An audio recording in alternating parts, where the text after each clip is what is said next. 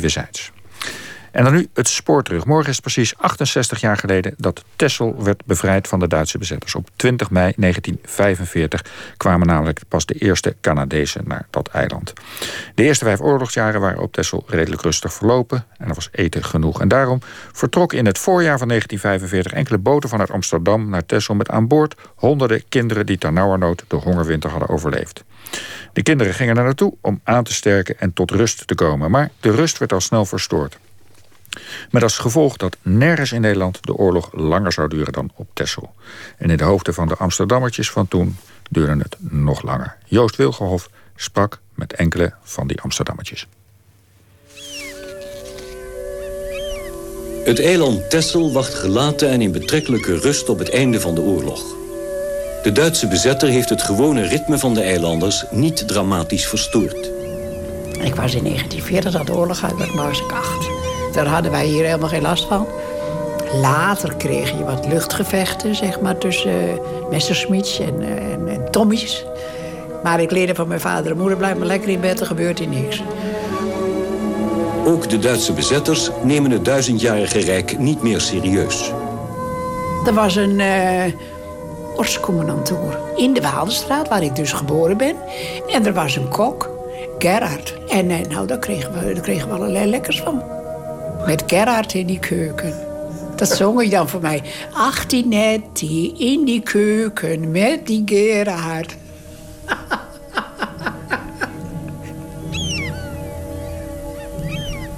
Ergens in februari, maart kwam de, een van de schepen van de TSO van Amsterdam met een 300 Amsterdamse hongerkinderen. En de Tesselaars stonden met de boerenwagens op de haven.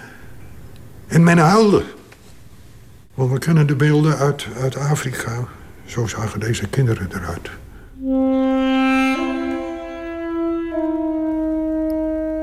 Het is begin maart 1945.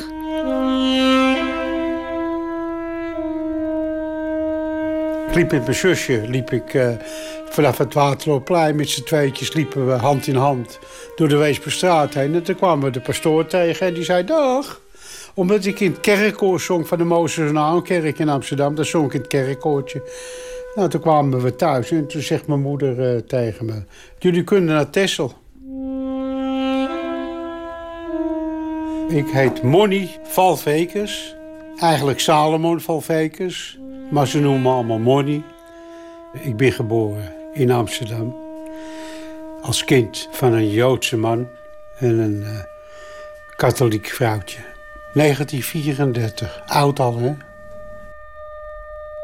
U loopt met uw zusje over het Waterloopplein, komt die pastoor tegen... en die pastoor die zegt... Die zegt gewoon dag. Meer niet. Dus we kwamen thuis. En toen zei mijn moeder dat we naar Tesla mochten. En die pastoor had dat in orde gemaakt. Nou, mijn zusje kijkt mij en ik kijk mijn zusje aan. Mijn zusje was er al aan toe, want die had al sporen van hongerodeum. Maar we waren een koppeltje dat onafscheidelijk was. Ja? Ja. We hadden één stel rolschaatsen. De ene week dan mocht ik links en zij rechts. En de andere week ik links, rechts en zij links. Dat, die rolschaatsen, dat was het enige wat we hadden naar school toe. Dan gingen we op de rolschaatsen. Ja, dus we waren onafscheidelijk van elkaar. Nou, en toen zijn we dus dezelfde avond nog op de boot gezet.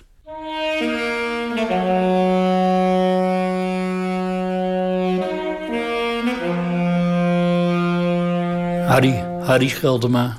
Ik ben geboren in Amsterdam in juni 1937. November 1944, toen werd ik ziek. Dan kreeg ik een, een, een dubbele longontsteking. Ik had heel hoge koorts. Volgens mijn tante was het 41 eh, en meer. Dus het was echt kantje boord. Op een gegeven moment kwam ik er weer bovenop. Na die ziekte, na die longontsteking, ben ik gekeurd. En dan werd ik dus ingedeeld in een groep. Door wie ben je gekeurd? Nou, dat weet ik niet meer. Het, het, leek een soort ziekenhuis, maar het kan ook wel een afbeelding van een ziekenhuis zijn geweest. Maar daar werd je dan bekeken. En vermoedelijk hebben ze gekeken, nou, die persoon kunnen we nog helpen. Als je dus te gammel was, dan ging je waarschijnlijk niet mee. Want dan was het zinloos. Maar de mensen die nog een beetje kans hadden op overleven, die gingen nou mee. Dat was voorjaar 45, begin maart 45. Nou, en dat we toen op een ochtend met mijn opa zijn we gaan lopen vanuit de Janstraat. Helemaal dus naar het, het Centraal Station. En daarachter, de, bij, bij de ponten, dan lagen, lagen twee binnenvaartschepen. Nou, en dan werd je naam afgeroepen en dan weet je dan, moest je aan boord komen. En dan ging je naar beneden in het ruim. Ik denk dat er een 200, 300 kinderen op zaten op die boot. Maar dat kan ik me niet meer zo goed herinneren. Want eigenlijk ben je als kind eigenlijk geëmotioneerd. Je bent eigenlijk een beetje te, te, neergeslagen... omdat je je ouderlijk huisje moet verlaten. Je moet weg. En je weet niet waar je terechtkomt. Kijk, Tessel, dat moest met een boot en over zee. Dus, uh, en dat het heel gevaarlijk was, dat hebben we gemerkt. Ja? Ja, tuurlijk. Want we waren goed op de zee. En toen uh, was er paniek. Alles werd stil. We hoorden geen motor meer lopen. En toen zijn we er naar boven gekropen, mijn zusje en ik, om te kijken. Kon je over de reling kijken. Was er een Duitse soldaat, die was het water ingesprongen. Want aan boord van dat schip waren ook Duitse soldaten. En een van die soldaten die was overboord gesprongen. En die zagen we een mijn wegzwemmen. Dus hij was er afgesprongen van de boot... om die mijn van de boot af te houden. Want die had ook magnetische mijnen. En ik vermoed dat die mijn naar de boot is gekomen... en die soldaat ook voor eigen leven. Maar eigenlijk heeft hij ons leven ook gered. Dus je had ook nog wel goede moffen.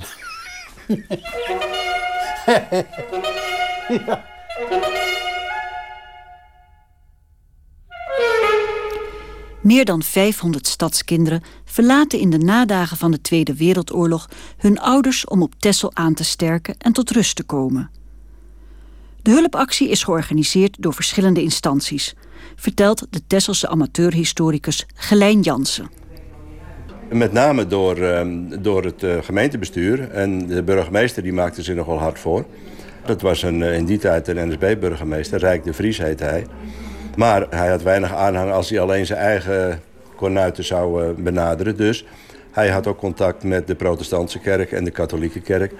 Maar het gekke is dat er ook wel 30, 40 of zo uit Den Haag kwamen. Die noemden voor het gemak ook Amsterdammertjes. Dat waren Haagse Amsterdammertjes.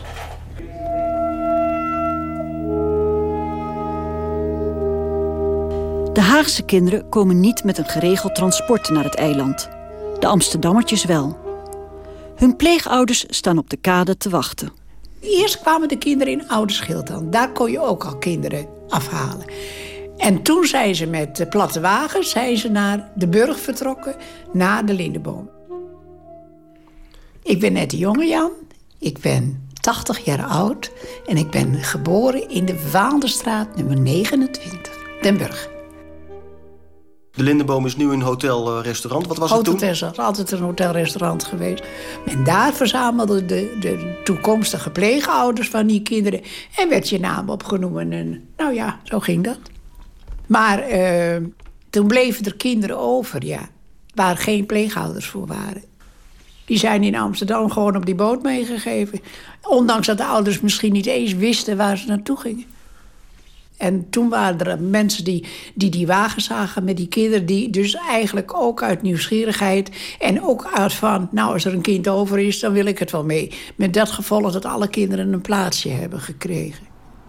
En toen kwamen we dus eh, tegen de morgen kwamen wandelen.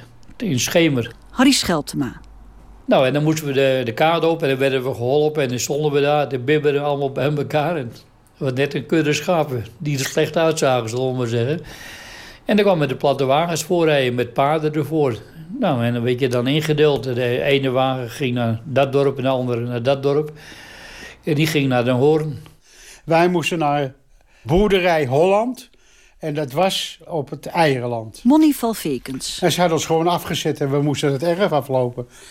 Met ons koffertje, mijn zusje en ik. Twee uitgehongerde kinderen stonden daar bij die boerderij. Er kwam iemand naar ons toe, een boerinnetje. Maar komen jullie doen, man? Ik, ik zeg, uh, we zijn uh, gezonden van de kerk. We, we mochten bij jullie in huis zijn. Nou, dat gaat niet. Ik zeg, potverdorie tegen mijn zusje. Wat is dat allemaal, zeg? Maar achteraf heb ik het begrepen. Achteraf hebben ze het me heel voorzichtig verteld. Hun hadden al namelijk twee kinderen. Twee Joodse meisjes, een tweeling. Maar hoe die kinderen daar gekomen waren, dat weet ik dus niet. Maar er was niks aan de hand. We kregen melk en we kregen ieder een boterham. Een grote boterham. Ik zie het nog liggen voor me, met ham. Nou jongen, mijn ogen peilden eruit. Ik kostte er wel tien. Maar die mensen hadden goed geluisterd en die begrepen dat ook natuurlijk. Dat je kinderen die uitgehongerd zijn, die moet je niet te veel geven, een klein beetje. Want anders dan krijgen ze dus daar ook weer klachten over. Dus we mochten die boterham opeten. En de melk hebben we gedronken. En toen zei ze, we hebben een ander adres voor jullie gevonden bij familie. Ja, de familie Smit op Eierenland, Villa Modestia. Ome Co en tante Nade. Nou, daar werden we goed ontvangen, een dag later. Geweldig. Dat kon je meteen merken. Die mensen hadden zelf geen kinderen. Die waren helemaal, helemaal indolaat. Helemaal gek van, van mij. Ja? Ja, maar mijn zusje mocht niet mee. Die moest naar een andere in de koog. Dus we werden gescheiden. Nou, dat was helemaal hartverscheurend natuurlijk. Maar met de belofte dat ik één keer in de week naar mijn zusje toe mocht. We komen aan op Texel. En ik word eh, ondergebracht bij de familie Lap. En die mensen zaten aan tafel, dus ik moest aanschuiven. En het eten was op en dan was er alleen nog pap. En dan was kannenmelkse pap. Met gorten. En ik kreeg het niet door mijn keel. Ik zat te kokhalzen. Ik denk, achteraf denk ik, wat zullen die mensen wel gedacht hebben? Zo'n uitgehongerde Amsterdammer. En die wil niet eten. Maar ik vond het zo vies. En ik heb mijn hele leven nooit geen kannenmelkse pap kunnen eten. Ik vond het vreselijk. En vooral met die gortjes erin. Hoe was het eten daarna? Daarna wa- was was heerlijk, en, eh, maar veel te veel. En je kon er ook helemaal niet tegen. Eh, je- moest dan vaak overgeven, want je, ja, die maag was helemaal niks gewend. En dan kreeg je gewoon eh, goede dingen te eten, ook, vleesdingen. Maar je, je kon er gewoon niet tegen, tegen het eten. En je wilde met die andere mensen mee eten, dezelfde portie. En dan had je het op en een week later werd, je ziek en dan begon het te borrelen in je buik en al die dingen meer. Tessel, 2 april 1945. Lieve mama en papa, eigenlijk weet ik niet veel naar u te schrijven. Toch heb ik u iets fijns te vertellen hoor, want ik heb van tante Stans een vulpenhouder met een gouden pennetje gekregen. Hij is gebroken, maar misschien kan hij wel gemaakt worden. Nu zal ik u vertellen wat, wat we gegeten hebben. S'morgens brood met boter, zo dik erop dat je er rozen in kon maken met jam, kaas en ham en ui. Smiddags. Soep, aardappels, spinazie, lof, puree, vlees, appelmoes, omelet. S'avonds acht pannenkoeken met appelmoes. Mam, mijn centuur moest los. Ik ben op 10 pond aangekomen. Bij Nettie Jongejan komt begin maart 1945 Jetske in huis. Ik vond het helemaal geen leuk meisje. hè? Waarom niet? Ik denk dat het een soort van, eh, nou wat moet jij hier? Ik was alleen. En dan kreeg er weer zo'n Amsterdamse griet bij. En weet je wat Jetske ging doen de volgende dag? Zij was gewend om hout te sprokkelen voor de kachel. Dat deed ze in Amsterdam al. De biel ze van, van de weet ik wat, van de treinen en weet ik wat. Dus ze ging eerst zorgen voor mijn moeder dat hij hout had. En zei mijn moeder, dat hoeft helemaal niet, want we hebben, we hebben zat. En mijn moeder weet ik dat ze een meisje wou van mijn leeftijd. Toen dacht ze, dan kunnen we met elkaar opgroeien of met elkaar spelen of zo. En daar is ook altijd eeuwig is mijn ouders daar dankbaar voor geweest. Want, zegt ze altijd, net is ik niet bij jullie gekomen had, dan hadden we dood gegaan. Tot heden ten dagen, want ik heb nog steeds af en toe contact.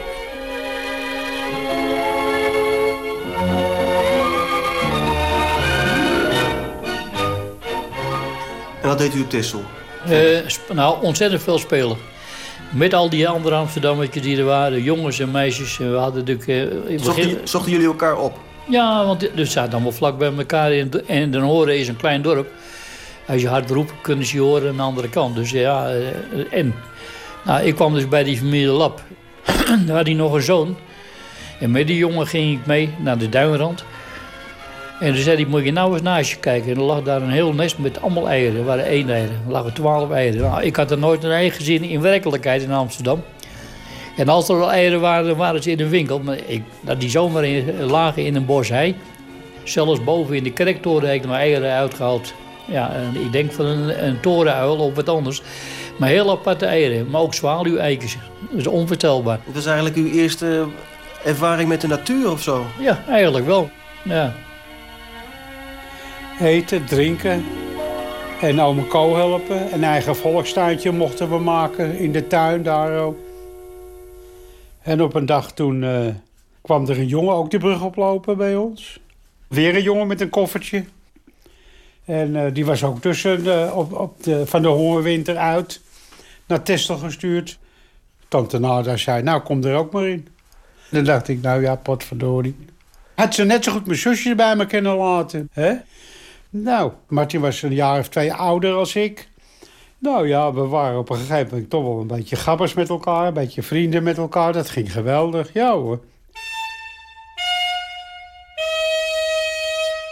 Er waren verschillende boten. De NSB zorgde ook wel dat er wat kinderen van hun uh, naar Texel konden. Want die hadden natuurlijk ook niet te vreten daar, toch? En weet u dat van achteraf of wist u dat toen ook? Luister, ik ga je iets vertellen. Een kind dat in oorlogstijd moet doorbrengen... heb overal voelsprietjes. Een kind wordt gewoon volwassen in oorlogstijd.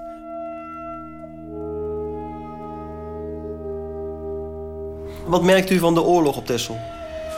Voor die opstand van die Georgiërs was er dus helemaal niks aan de hand. Maar wij zagen wel Duitsers. Maar ja, omdat we kleine kinderen waren, waren die altijd vriendelijk tegen ons. En, en ze fietsen door het dorp. Maar er waren ook uh, ja, Russen bij, zoals wij dat noemden. Die hadden dezelfde uniform aan. Pas later heb ik begrepen dat ze een schildje droegen met uh, Georgië erop. Maar het verschil zag je toen niet. Er waren allemaal, allemaal moffen, zeg maar. Die er, En die waren best wel aardig. De op Texel aanwezige Georgische soldaten zijn door het Duitse leger krijgsgevangenen gemaakt aan het oostfront. De krijgsgevangenen worden voor een bijna onmogelijke keus gesteld. Zich aansluiten bij het Duitse leger of wachten op een bijna zekere dood door ondervoeding, ziekte en bittere kou. Duizenden Russen kiezen voor het Duitse uniform. Er worden volkseigen bataljons samengesteld. Eén daarvan is het Georgische legioen. 800 Georgiërs komen in januari 1945 op Texel terecht. Op 5 april 1945 krijgen de Georgiërs een marsbevel, richting front. Maar zover laten de Georgiërs het niet komen. Amateurhistoricus Gelijn Jansen. Uh, ja, wat gebeurt er? In de nacht van 5 op 6 april besloten om 1 uur s'nachts de Georgiërs de Duitsers aan te vallen. En uh, een halve dag later was dat doorgedrongen bij de Duitsers. En toen hebben ze de volgende dag, dus uh, op 6 april, hebben ze smiddags om half vier, twintig minuten achter elkaar geschoten... en uh, duizenden granaten op den burger geschoten, gericht op de kerk. Dus rondom de kerk zijn er heel veel straten, waren de huizen ingestort en zo. En daar zijn zelfs een paar Amsterdamse kinderen die daar woonden... die zijn ook gewoon in, met de instorten van die huizen en zo omgekomen. Tessel, 12 april 1945. Lieve papa en mama, het is hier op Tessel echt een rare boel. De Duitsers zijn met de Russen aan het vechten. De Russen hadden al Duitsers vermoord en de Duitsers waren kwaad en hadden den brugpad gegooid. Ik was juist in de voorkamer. Toen kwam heel de zolder naar beneden zetten. Toen was ik naar buiten gevlucht, want het was al over. Ik had een klein plekje aan mijn been. Toen kwamen er twee mannen en die hebben naar mijn been gekeken. Ze wisten geen raad en toen zijn we naar het ziekenhuis gegaan. Ze zeiden dat er een splintertje van een granaat in mijn been zat. Dus ze dachten dat ik rust moest houden. Maar ik loop te hollen en te vliegen, want ik denk dat er niks in zit. Ze hebben hier ook een konijn en die heeft negen jonkies. Een dikke zoen. Dag, tot na de oorlog. De eerste voltreffer, die, of, of, of granaat of bom, wat het geweest is... is terechtgekomen op de, bij de familie Moerbeek. En de familie Moerbeek had een manufacturenwinkel.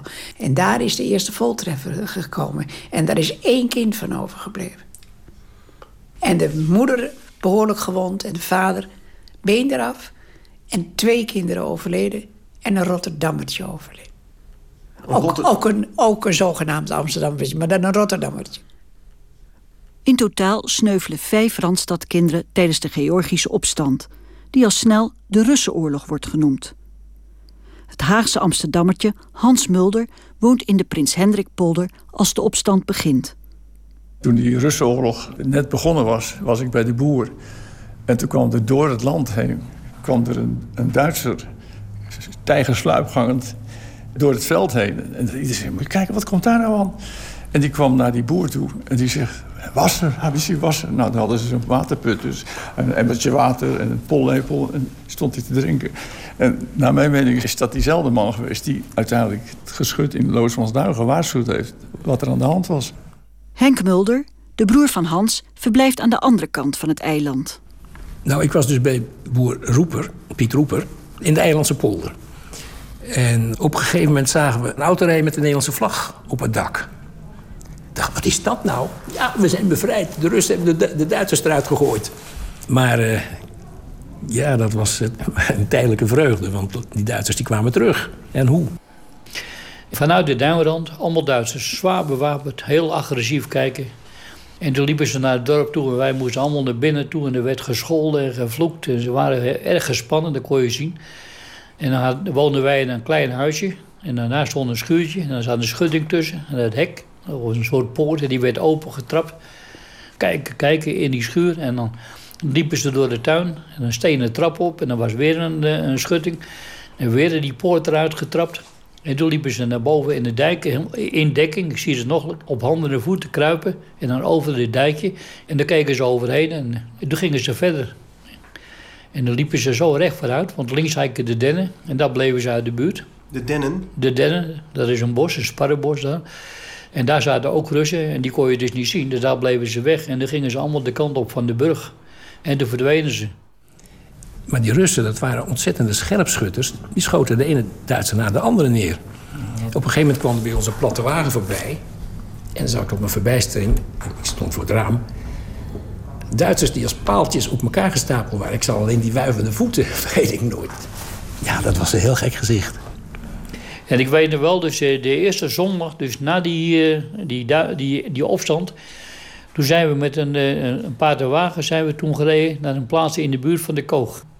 En dan kwamen die familieleden bij elkaar. Er werden de koppen geteld. En die, bij die familie Lap waren ze allemaal dus goed doorgekomen. Maar ja, je hoort ook dan weer... Maar zonder dat ik het echt begreep als kind... dat er dus een hoop doden waren gevallen en gewonden en zo.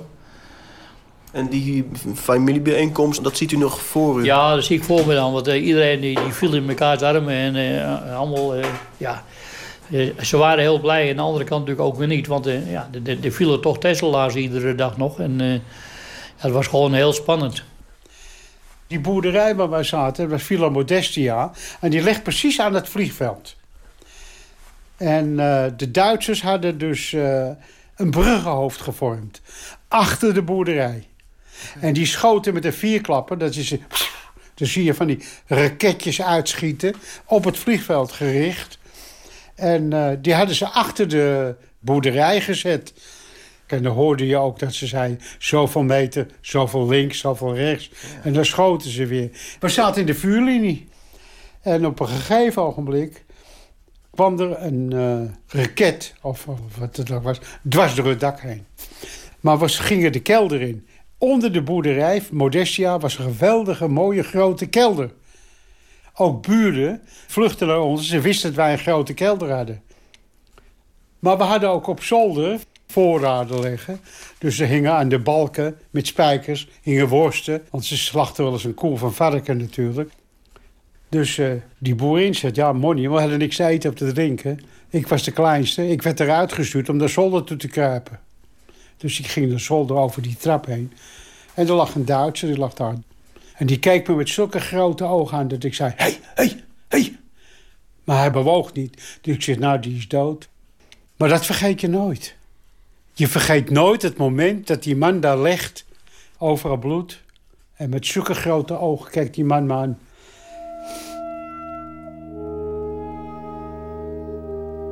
Er waren meer boerderijen die vluchtelingen opnamen. En soms kwamen Amsterdammertjes elkaar daar tegen. Hans Mulder. Ik kwam altijd te gast bij, bij boer Koopman. En die hadden een grote deel. En die hebben ze ingericht als woning voor vluchtelingen uit de, de Noord, Noord-Texel. En uh, dat was een gezin. En hadden ze met zeildoeken hadden ze kamers gemaakt. En er was ook een Amsterdams jongetje bij. En dat jochie, dat kon zo mooi zingen.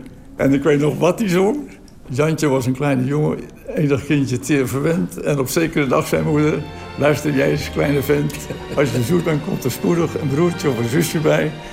En nou, die moeder die stond met tranen in de ogen. En ik dacht, snotverdorie. Alle belangstelling die alles naar mij toe ging, die ging naar het jochie toe. Als je zoet bent, komt er spoedig een zusje of een broertje bij. Nou, dat was wel wat voor Jantje. En het ventje zei toen blij. Wanneer er heus een zusje kwam, kreeg zij van mij wat moois voor In de Eierlandse polder, waar Henk Mulder verblijft, woedt de oorlog in alle hevigheid. Duitse tanks en soldaten drijven de overgebleven Georgiërs in de oostelijke richting van het eiland. Daar zoeken de Georgiërs onderdak bij Tesselse burgers. Op een avond was er weer geruis bij de deur. Boer Piet ging kijken. Er stond een Rus. Of die uh, boer ook deed had. Nou ja, die gaf me een stel eieren, in hardgekookte eieren... in krantenpapier in de Tesselse krant gewikkeld. Hij zei, maar ik durf jou niet in mijn huis te verbergen... want er hangen overal plakaten dat als Russen verborgen worden... dan worden we allemaal gefusilleerd. Maar kruip maar in die, in die uh, hooiklamp. En dat heeft hij rust gedaan. Want hij was ook gewond. Toen morgens heeft een Duitse patrouille hem gezien. De boer Piet, die het al niet vertrouwde, zei... jongens, we gaan niet in het huis zitten. We gaan uh, in de schuur. En wij zaten achter een houten deur. En daarachter was een heel, tot aan het plafond toe, allemaal pakken stro. En toen kwamen die Duitsers van die kant. Dus die schoten dwars door die deur heen. Ik ben nog nooit zo bang geweest. Nee. Nou, toen kwamen we daar uh, naar buiten en daar zag ik een, een, stapeltje uh, legeruniform liggen. Maar toen een verbijsting stak er een zwarte baard uit. Dat was die Rus. Die was doodgeschoten. En uh, ja, wij moesten eruit. Tegen een muur, tegen het kippenhok staan. Een boer, de huishoudster, twee ondergedoken zoons en een klein jongetje. ik denk dat dat die Hauptman bewogen heeft om niet te schieten.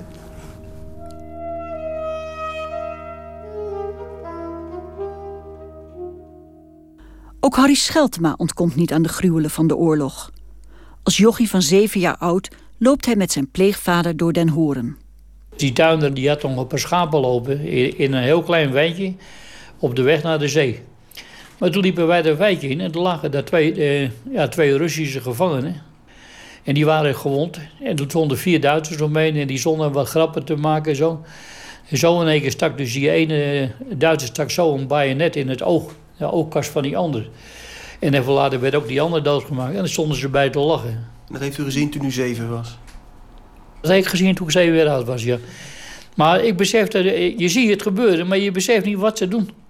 Dan kun je je toch niet voorstellen dat je iemand zo doodmaakt.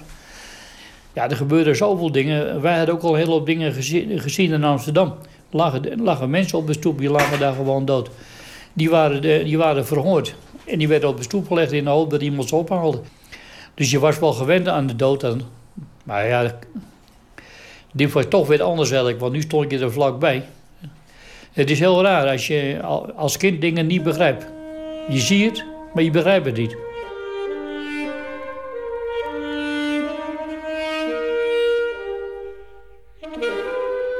De dagelijkse gevechten tussen Duitsers en Russen duren tot eind april. Maar ook na 5 mei wordt er nog regelmatig geschoten. Pas op 20 mei, twee weken nadat de Duitsers de capitulatie tekenen, komen de eerste Canadezen op Texel aan. Harry Scheltema ziet het gebeuren. We waren aan het voetballen in de tuin. En de, de, bal die vloog over de heg. En ik was aan de beurt om de bal op te rapen. En ik, ik, ik ren door die tuin heen. En een kip vliegt voor me uit. En die vliegt ook door die heg heen. En toen hoorde ik een auto aankomen. Maar een heel vreemd geluid. kende ik helemaal niet. En die reed over die kip heen. En er lag daar een kip. En een stuk of zeven, zes, zeven dooiers lagen naast die kip. Want die hebben waarschijnlijk zo voorraad. Die kip was helemaal plat. Nou, toen ben ik dus na de oorlog ben gaan zoeken naar die jeep. En laat er nou een Tesla in gezeten hebben. Die was geëmigreerd naar Canada. Was een van de eerste bevrijders die de horen binnen kon rijden. Nou, dat was mijn bevrijding. Een dode kip. Met zes of zeven dooiers. Er zijn al die kinderen weer bij elkaar gekomen in oude schuld. Nou, en dan zijn we teruggebracht naar Amsterdam. En dan kwamen we in Amsterdam en dan was iedereen aan het feesten en aan het juichen en aan het doen. Ja, en dan kom je daar en je, je begrijpt het niet. Waarom zijn die mensen zo opgetogen? Hè? De feestvreugde duurde tot diep in de nacht. En de volgende, en de volgende. De oorlog in Europa was voorbij. Amsterdam was in een roes. Een bevrijdingsroes. Kon u eh, iets vertellen van aan uw moeder bijvoorbeeld... van wat u op Texel had meegemaakt? Ja, of- maar die begrepen dat niet. Nee? Die mensen hadden niet eens het bericht gehad wat er op Texel gebeurde. En als ze dat hadden gehad, hadden ze doodangsten uitgestaan voor hun kinderen. Je geeft je kind naar een vertrouwd adres tegen de hongerwinter. En wat krijg je terug? Een gebroken kind. Het Rode Kruis zorgt voor het vertrek van de Amsterdammertjes. Ook het meisje dat bij Nettie Jongejan in huis zit... gaat begin juni 1945 terug naar huis. Ik denk dat ik het ook prettig vond dat ze weer naar huis ging, hoor. Dat denk ik wel. Zij ook natuurlijk, want ze ging weer naar haar ouders. Ik denk niet dat ik dat erg vond. Dat ik niet dacht van, oh god, nou zie ik er niet meer of zo. Maar na 85, na de reunie, is het weer wat meer hersteld. U heeft meegeholpen hè, aan de organisatie van die eh, reunie. De telefoon stond niet meer stil. Wat kreeg u toen van beeld van die, van die mensen? Je ziet ze als kinderen. hè? En, en, en zo spreken ze dan ook tegen je. Maar ik ben ondertussen natuurlijk volwassen mensen geworden. Hele emotionele verhalen. Hele emotionele verhalen. Die dag, die 6 april, en, en na de bevrijding toe... dat is voor die kinderen werkelijk... Ze waren niet bij hun eigen thuis. Ze hadden niet hun eigen vader en moeder. En ze konden er niks mee. En toen komen ze thuis en vertelden ze dat hier Russen waren op het eiland. En die hadden oorlog. Nou, dat gelooft toch geen mens. Die kinderen hebben dat nooit kunnen vertellen aan hun ouders. Hun ouders hebben het niet geloofd en zijn altijd met een trauma blijven zitten.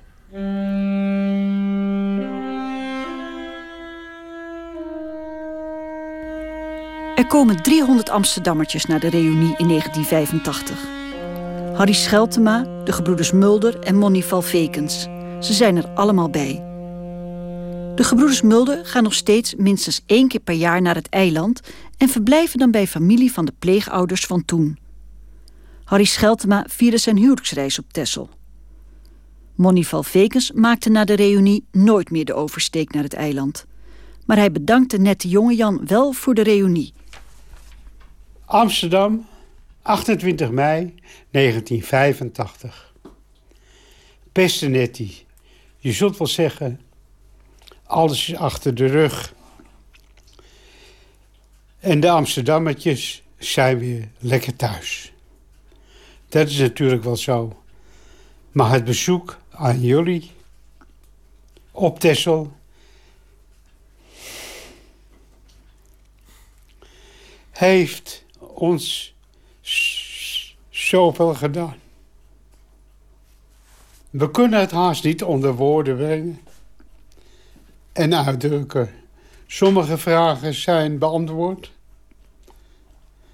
maar andere, en misschien vele vragen, zullen een vraag blijven.